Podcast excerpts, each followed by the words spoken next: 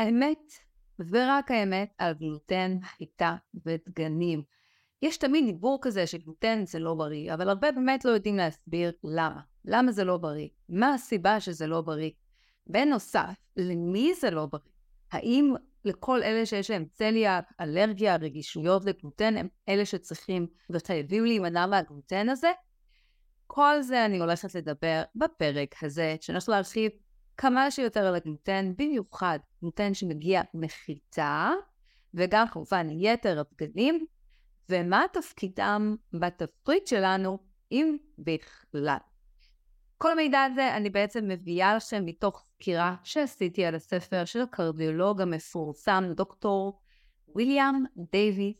יש לו ספר נהדר, בטן של חיטה, שתורגם לעברית, והוא היה בסט סלר. הספר הזה אני מאוד מאוד ממליצה לכם לקרוא.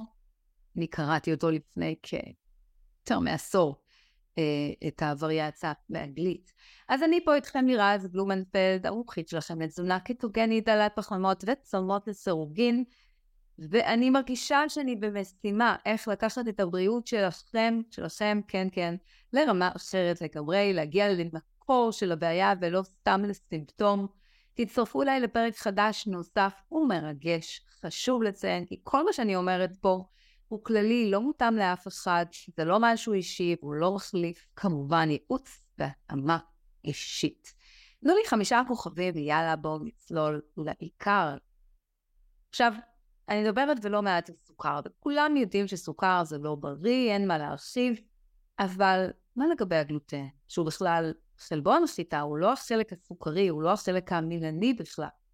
אז אני רוצה גם להרחיב בפרק הזה על הקשר הגנטי שלנו, אוקיי? האם מבחינת הגנטיקה שלנו אנחנו בכלל בנויים ויכולים לאכול גלוטן, בין היתר גנים אחרים.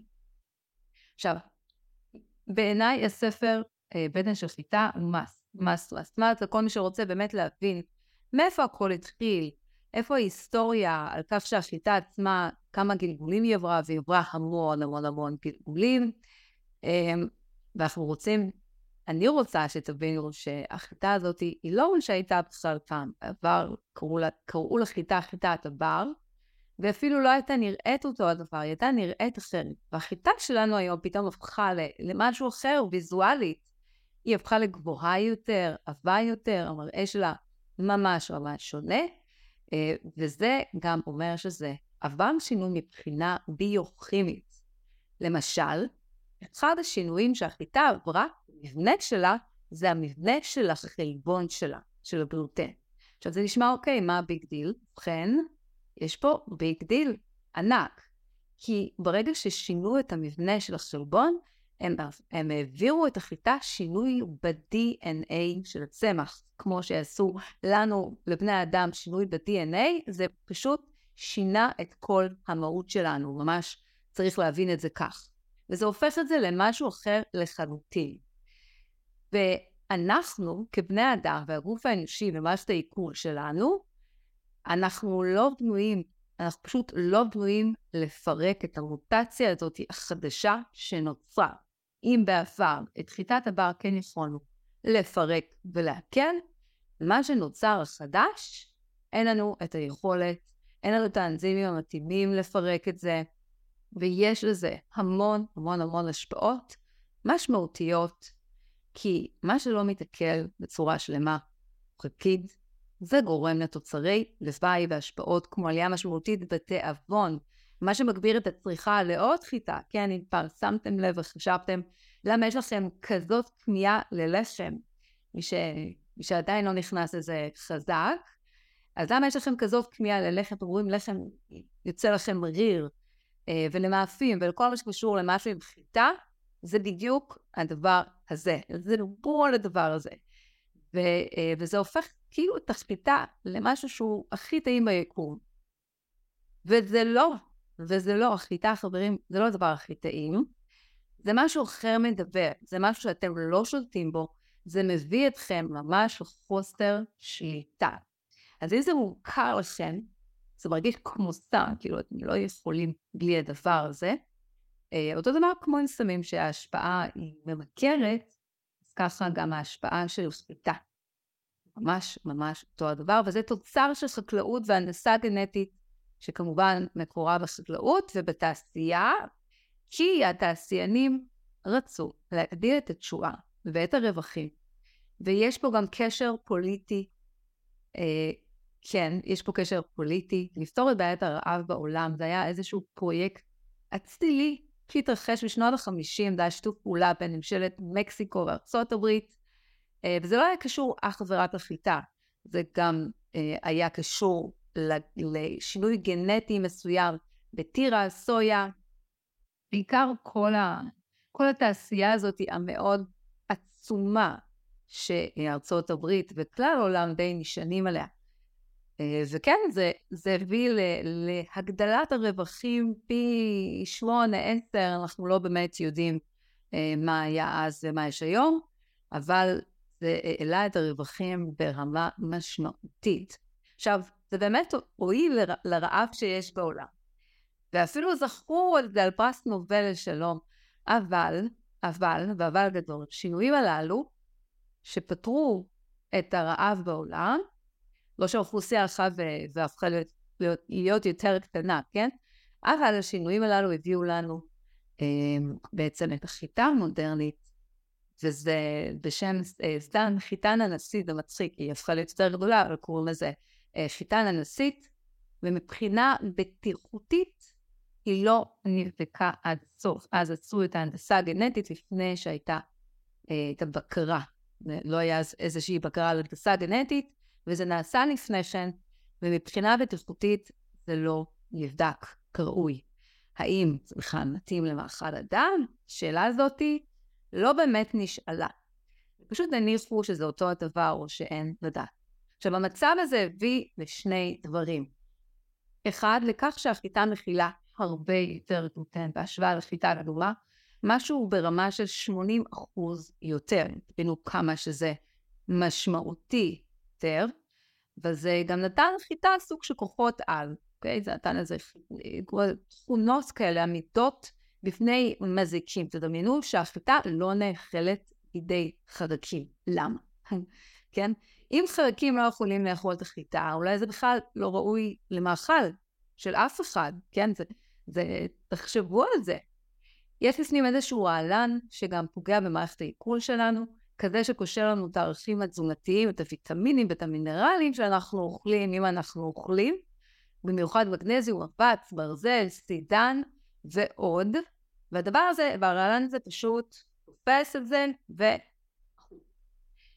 uh, אם זה, אם אתם אוכלים הרבה הרבה חיטה ובצורה יומיומית, אז תדמיינו שהדבר הזה מתרחש כל הזמן, זה מוציא החוצה וזה בעצם מביא לכך שיש לכם חסרים תזונתיים, יש לכם בעיות של ספיגה, כי זה מה שזה גורם.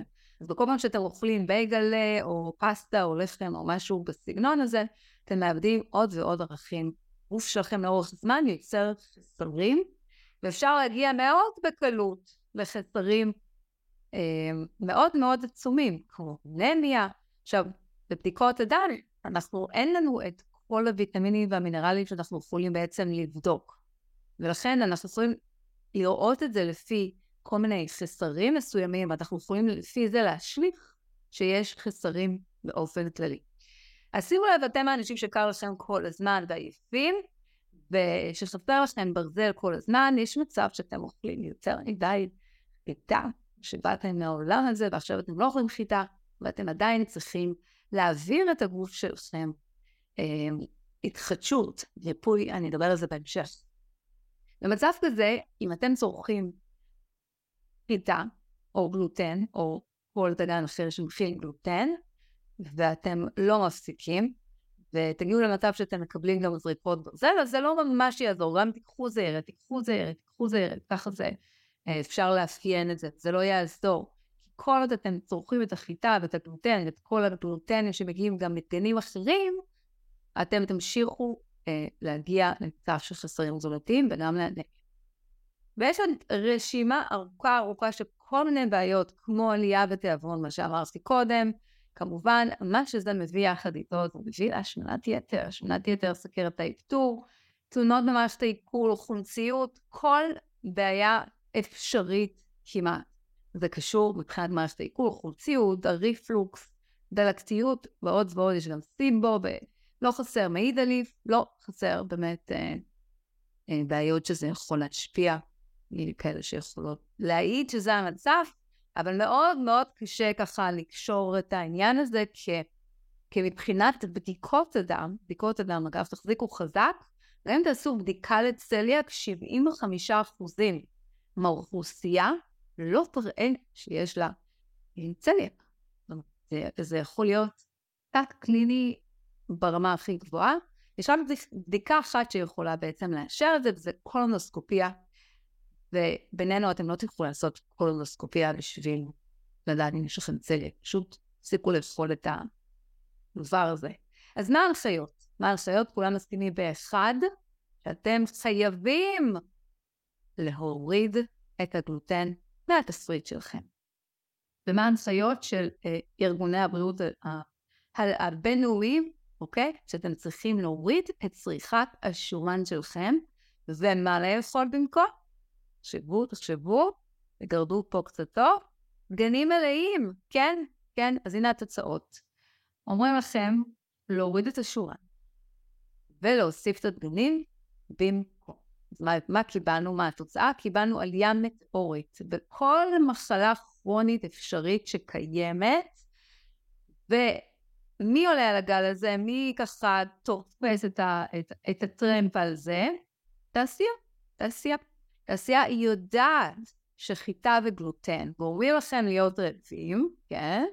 זה גורם לכם להיות יותר ב craving, ועוד, אז אתם תרכשו יותר יותר מהחיטה הזאת, וככה המוצרים הופכים להיות יותר מעניינים, יותר צבעוניים, יותר גדולים, אריזות יותר ויותר גדולות.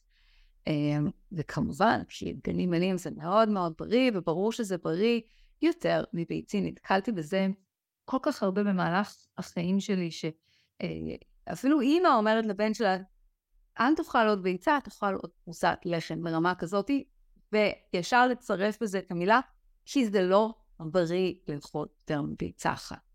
זה עצוב מאוד, זה כל כך מושרש עמוק בתוכנו, בתוכנו ההנחיה הזאת נגד השומן ונגד חלבון, זאת אומרת, החלבון הוא לא, לא נחשב למשהו רע.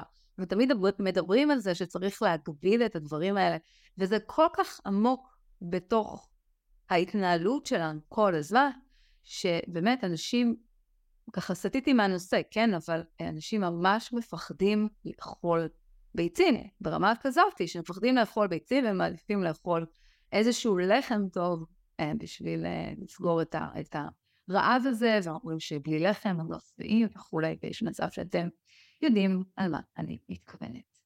אז, אז זה, זה המצב, וזה מאוד מאוד נפיץ, בסדר? עכשיו, זה ברור שזה לא הולך להשתנות בן לילה.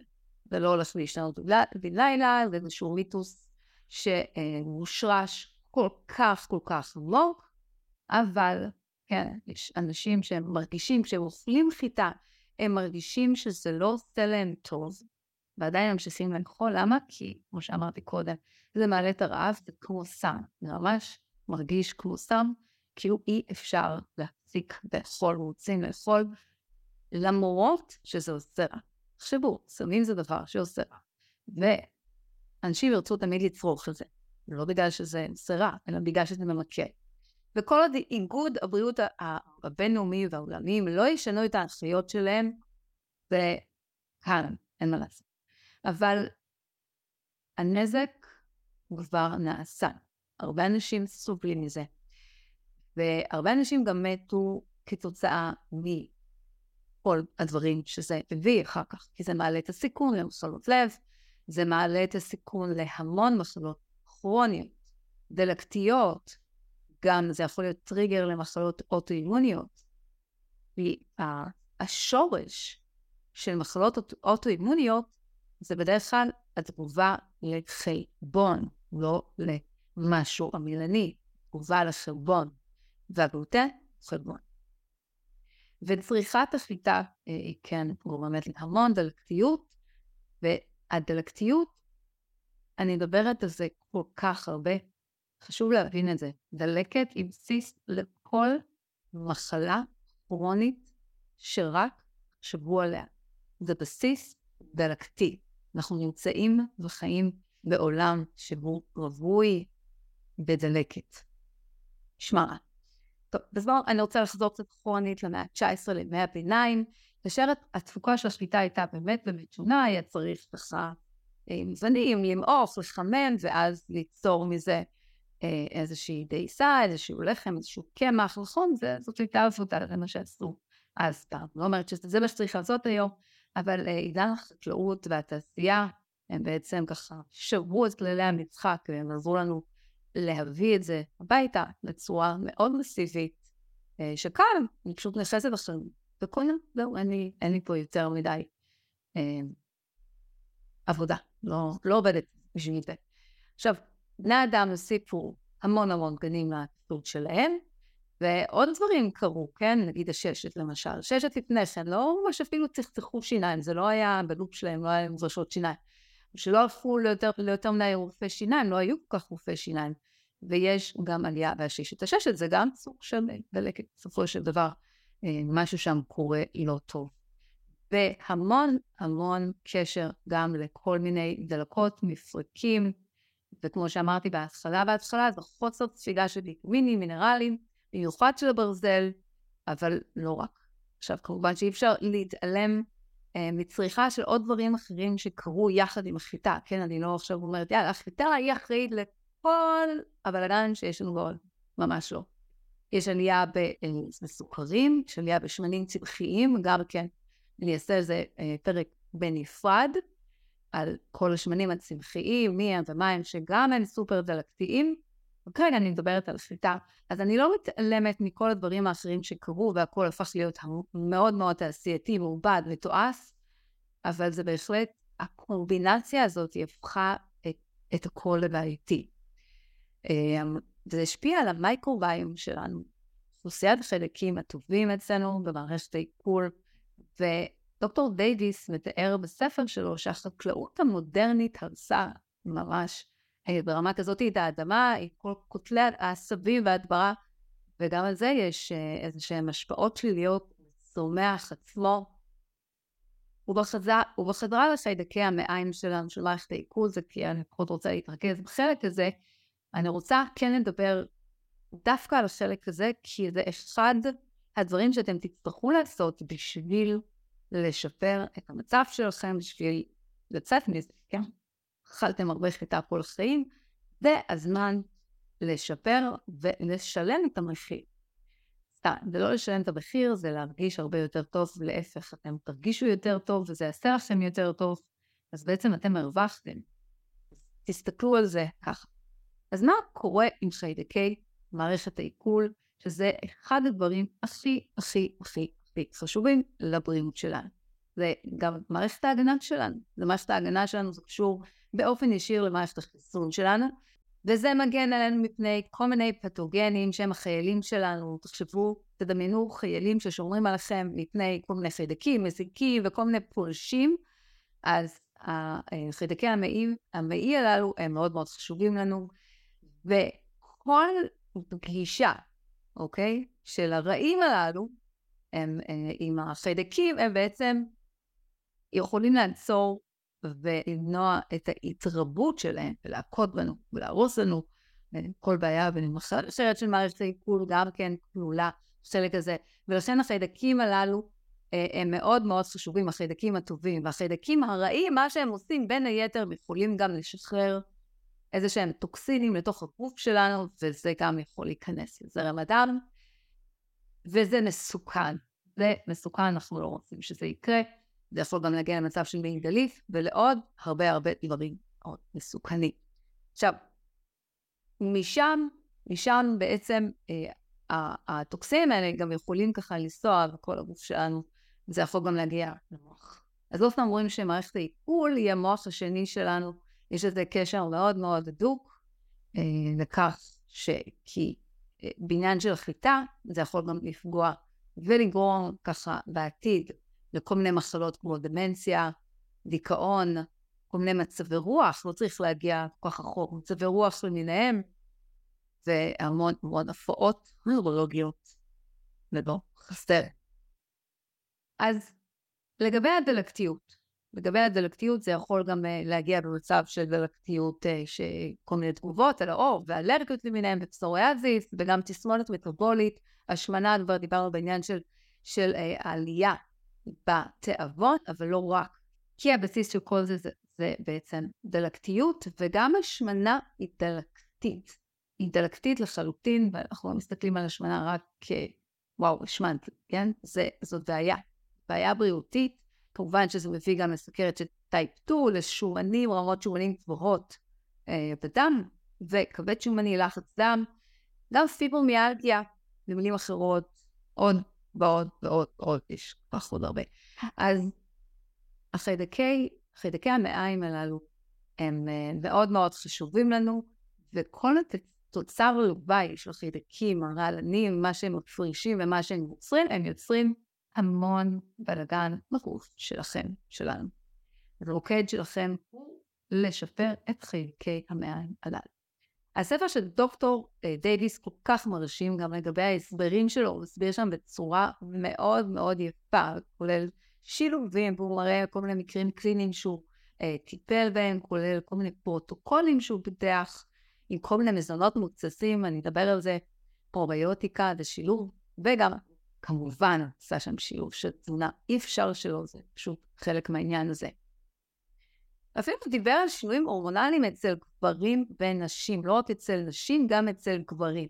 מרמה שזה משפיע על הורמוני אהבה, על האוקסיטוצין הזה, ועד אפילו על עלייה בגירושין, קצת ההקשר הזה, זה, זה, זה מעניין, כי, כי זה מראה עד כמה האוכל שלנו, זה משפיע על ההתנהגות שלנו, איך אנחנו מתנהגים עם אנשים אה, ביחד שנמצאים סביבנו, בחברה, או בני זוג שלנו. אה, כי יש לזה השפעה גם על הנוירוטרנסמיטורים, מצבי רוח וכולי, וזה יפה מאוד ככה שניתן לקשר את זה ולהפוך אותנו לאנשים אולי יותר סובלניים, אולי יותר נחמדים, בסדר? אז אה, תפסיקו לאכול חיטה ונראה אם העולם יהפוך אה, ככה למשהו טוב יותר. אז מה אתם הולכים לקחת מפה בתכלס? מה אתם הולכים לעשות? אז אם אתם עדיין צורכים חיטה או כל דגן אחר שמכיל גלוטן, גם שיפון, גם קוסמין, כל, כל הדגנים שמכילים גלוטן, זה הזמן להפסיק, תעיפו את זה מהתפריט שלכם.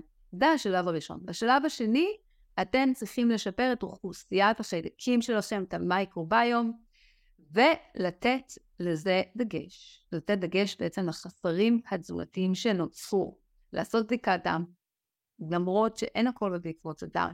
ולא תמיד מה שיש, זה מספר את הסיפור האמיתי, אבל תעשו בדיקות דם, בואו תסתכלו. גם הסיפור, בתכלס הסיפור האמיתי זה התסמינים שלכם, הם יגידו את המצב ההרגשה שלכם, האנרגיה שלכם, הרעב שלכם, אה, וכן, גם אני חייבת לציין בכמה מילים. אה, עוד דבר, ככה קפץ לי, עוד דבר שקשור לחיטה, שהוא חשוב אה, עבורכם לדעת, גם בחיטה יש עמילן. העמילן הזה נקרא המילופקטין A, זה, זה העמילן שקיים בחיטה ובדגנים, והוא פרובוקטור חזק ומזיק, כן? לא כמו הגלוטן, אבל הוא מזיק אה, מאוד מאוד, וזה בעצם הסוכר של העמילן, והסוכר והעמילן, אה, שכן העמילן, אתם כבר יודעים את זה, הוא מעלה את רמות הסוכר, אבל העמילן הספציפי הזה, הוא מעלה את רמות הסוכר אפילו גבוה. גבוה יותר, הרבה הרבה יותר, וזה גורם בסוף לקראש. הוא מודרך באיזשהו קראש, ולאחר מכן לשוב עוד אכילה, ואז שוב עלייה, עוד אכילה, עוד ככה, רכב, רכבת הרים אה, מטורפת. וגם לזה יש קשר הדוק למחלות לב, כי זה גורם חיצוני ודלקתי. גם סוכר גורם לדלקת. תוסיפו את החיטה שהיא גורמת לדלקת, ויש גם המילה, קיבלתם איזשהו שילוב קטלני ומרושע ביותר. אה, ומי שיש לו בעיות עם הלב, זאת אומרת, יש איזושהי עלייה בכולסטרול או משהו מהמקור הזה, מה תקבלו מהרופא? סטטינים.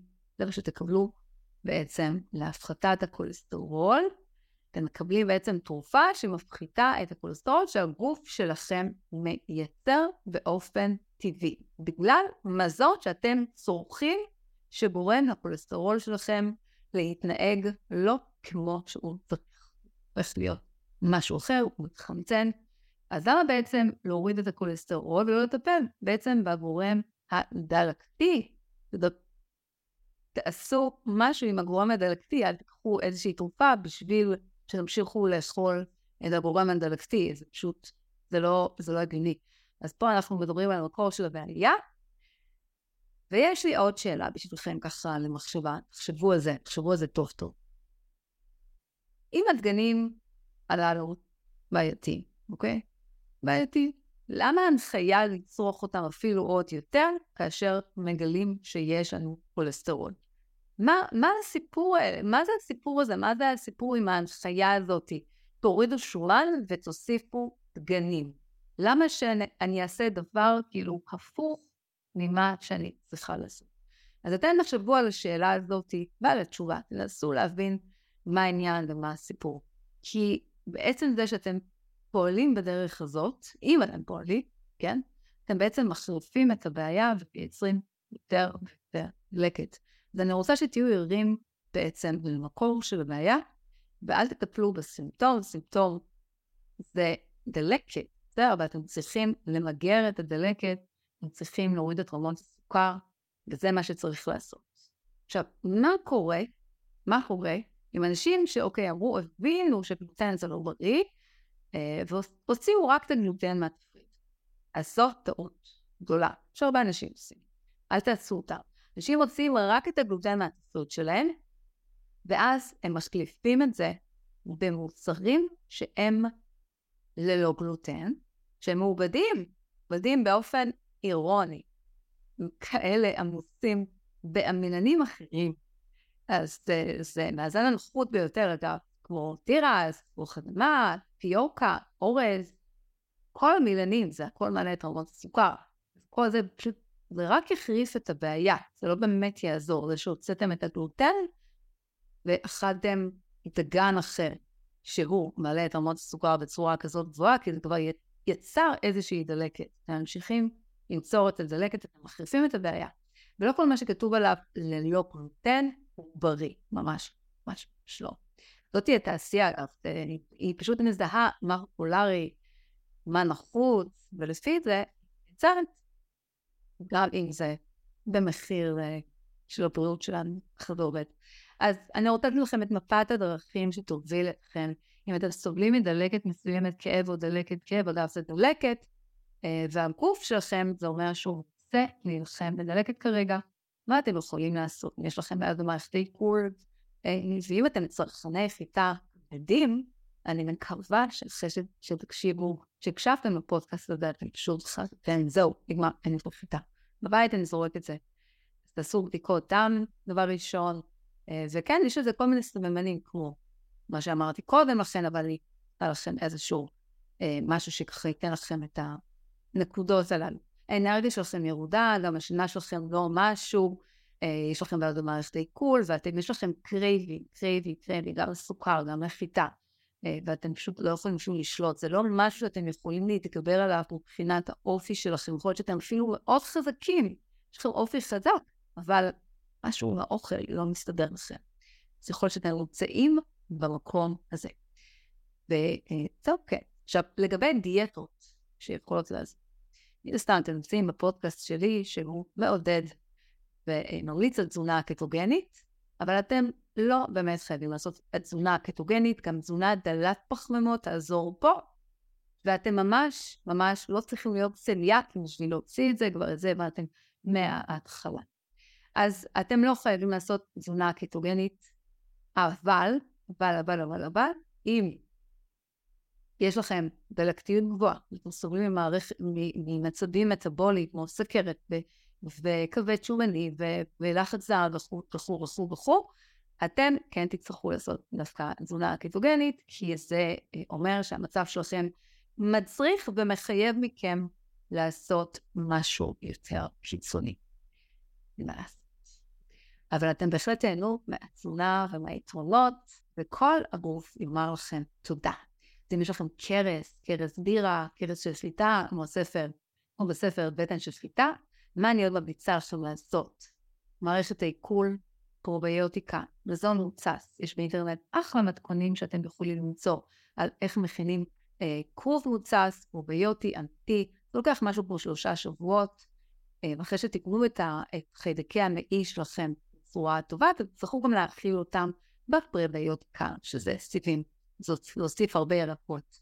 להוסיף עוד מזונות שייתנו לכם את העבודה בגזרת הנוגדי חמצון, אתם חייבים, חייבים את זה, כמו בצל, ירוקים ושוב, ומצליבים ויטמין C, פירות פחות סוכריים כמו פירות יער, וכמובן לשפר לכם משמעותית את רמות הסוכר וכאן את השינה שלכם.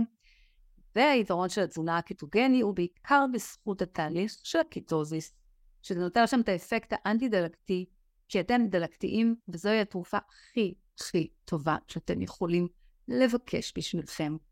משהו שהוא אנטי-דלקתי, חזק, וזה גם יעזור לכם לרפא את מערכת העיכול ולשפר את העיכול שלכם ביפר. כנסו לאתר שלי, יש שם מאמר שלם ורחב על הקיטו, כולל רשימה של מה אוכלים, וגם בפודקאסט הקודם אה, דיברתי על זה, ויש לי עוד שני פרקים שלמים על תזונה קטוגנית למתחילים. אני הייתי איתכם לירז, בלומנפלד, תעקבו אחריי, חמישה כוכבים, ונתראה בפרק